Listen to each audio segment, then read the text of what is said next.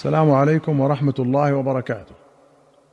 أخرج البخاري ومسلم عن أبي سعيد الخدري رضي الله عنه قال نهى رسول الله صلى الله عليه وسلم عن صوم يوم الفطر ويوم النحر ولمسلم عن قزعة بن يحيى عن أبي سعيد قال سمعت منه حديثا فأعجبني فقلت له آنت سمعت هذا من رسول الله صلى الله عليه وسلم؟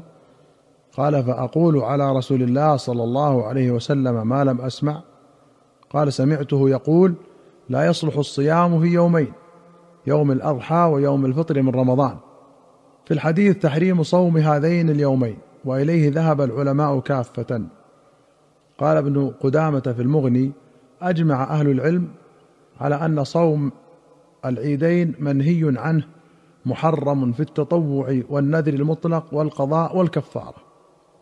وأخرج مسلم عن كعب بن مالك رضي الله عنه أن رسول الله صلى الله عليه وسلم بعثه وأوس بن الحدثان أيام التشريق فناديا إنه لا يدخل الجنة إلا مؤمن وأيام منى أيام أكل وشرب.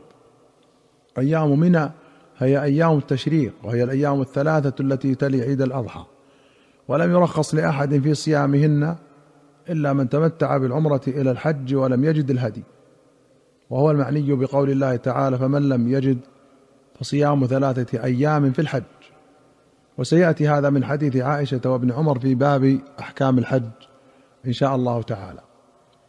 وأخرج البخاري ومسلم عن أبي هريرة رضي الله عنه قال سمعت رسول الله صلى الله عليه وسلم يقول لا يصوم أحدكم يوم الجمعة إلا أن يصوم يوما قبله أو بعده.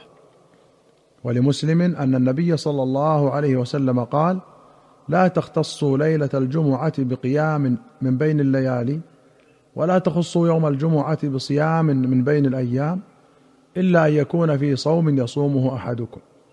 سبق الحديث في باب صلاة الليل. قوله لا تختصوا ليلة الجمعة بتاءين ولا تخصوا يوم الجمعة بتاء واحدة. قال النووي هكذا وقع في الأصول وهما صحيحان. قال المبارك فوري في مرعاة المفاتيح ذهب الجمهور إلى أن النهي عن صوم يوم الجمعة للتنزيه وفي الحديث جواز صيامه لمن وافق عادة له كمن يصوم يوما ويفطر يوما أو من يصوم عرفة. وأخرج البخاري عن جويرية رضي الله عنها أن رسول الله صلى الله عليه وسلم دخل عليها يوم الجمعة وهي صائمة. فقال لها أصمت أمس؟ قالت لا. قال تريدين أن تصومي غدا؟ قالت لا. قال فأفطري. باب الاعتكاف وقيام رمضان. أخرج البخاري ومسلم عن أبي هريرة رضي الله عنه قال كان رسول الله صلى الله عليه وسلم يرغب في قيام رمضان من غير أن يأمرهم فيه بعزيمة. فيقول من قام رمضان إيمانا واحتسابا غفر له ما تقدم من ذنبه. ومن قام ليلة القدر إيمانا واحتسابا غفر له ما تقدم من ذنبه.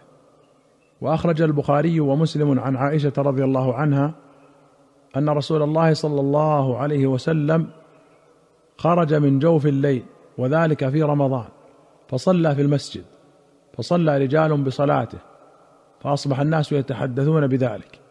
فاجتمع أكثر منهم. فخرج رسول الله صلى الله عليه وسلم في الليلة الثانية فصلوا بصلاته. فأصبح الناس يذكرون ذلك فكثر أهل المسجد من الليلة الثالثة. فخرج فصلوا بصلاته. فلما كانت الليلة الرابعة عجز المسجد عن أهله. فلم يخرج إليهم رسول الله صلى الله عليه وسلم.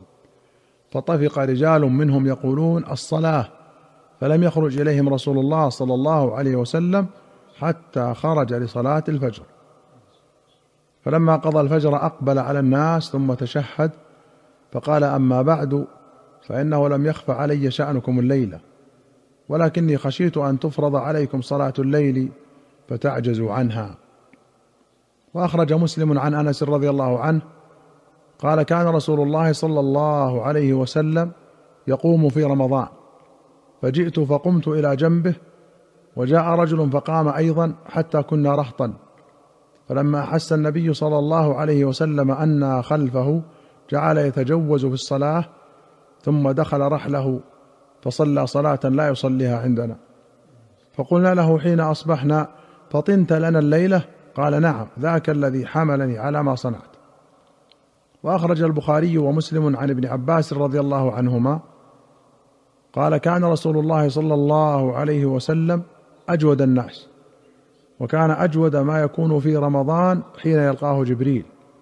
وكان يلقاه جبريل في كل ليلة من رمضان فيدارسه القرآن. قال رسول الله صلى الله عليه وسلم حين يلقاه جبريل أجود بالخير من الريح المرسلة. وفي رواية وكان جبريل يلقاه في كل سنة في رمضان حتى ينسلخ. فيعرض عليه رسول الله صلى الله عليه وسلم القرآن. وأخرج البخاري ومسلم عن عائشة رضي الله عنها قالت كان رسول الله صلى الله عليه وسلم إذا دخل العشر من رمضان أحيا الليل وأيقظ أهله وجد وشد المئزر. ولمسلم قالت كان صلى الله عليه وسلم يجتهد في رمضان ما لا يجتهد في غيره وفي العشر الأواخر منه ما لا يجتهد في غيره. قولها شد المئزر كناية عن اجتناب النساء أو عن الجد والاجتهاد في العمل وكل ذلك واقع في العشر الأواخر. وأخرج البخاري عن أبي هريرة رضي الله عنه أن رسول الله صلى الله عليه وسلم كان يعتكف كل رمضان عشرة أيام فلما كان العام الذي قبض فيه اعتكف عشرين. وأخرج أحمد وابن ماجة وأبو داود والنسائي وابن خزيمة وابن حبان والبيهقي في السنن والضياء بسند صحيح عن أبي بن كعب رضي الله عنه أن النبي صلى الله عليه وسلم كان يعتكف في العشر الأواخر من رمضان فسافر سنة فلم يعتكف فلما كان العام المقبل اعتكف عشرين يوما.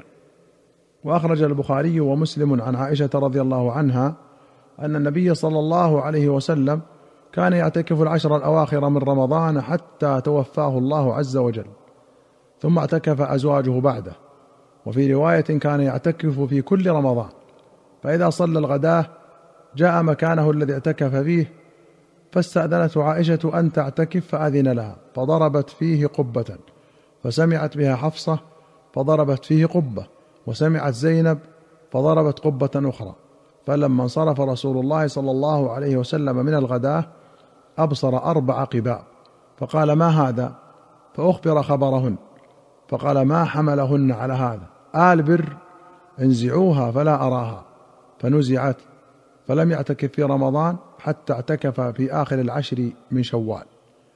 وفي أخرى كان صلى الله عليه وسلم إذا أراد أن يعتكف صلى الفجر ثم دخل معتكفا ثم ذكر نحوه إلى أن قال فلما صلى رسول الله صلى الله عليه وسلم الفجر نظر فإذا الأخبية. فقال آل بر يردن. فأمر بخبائه فقوض وترك الاعتكاف في شهر رمضان حتى اعتكف في العشر الأول من شوال. اختلف في اعتكاف المرأة في المسجد لما تتعرض له من رؤية الأجانب لها. وهل اعتكافها في مسجد بيتها أفضل قياسا على الصلاة؟ قال ابن رشد قالوا وإنما يجوز للمرأة أن تعتكف في المسجد مع زوجها فقط. كما أذن صلى الله عليه وسلم لعائشة في الاعتكاف معه. وأما إنكاره بعد إذنه فلمعنى آخر.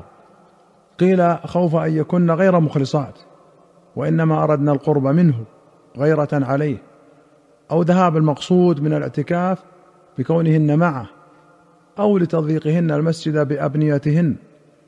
واختلف في الاعتكاف بلا صوم. فقالت المالكية والحنفية لا يصح إلا بصوم. وقالت الشافعية والحنابلة يصح بدونه. واحتجوا بحديث عمر إني نذرت أن أعتكف ليلة في المسجد الحرام. قال أوف بنذرك فاعتكف ليلة وسيأتي في باب الأيمان والنذور إن شاء الله تعالى. أيها المستمعون الكرام إلى هنا نأتي إلى نهاية هذه الحلقة. حتى نلقاكم في حلقة قادمة بإذن الله. نستودعكم الله والسلام عليكم ورحمة الله وبركاته.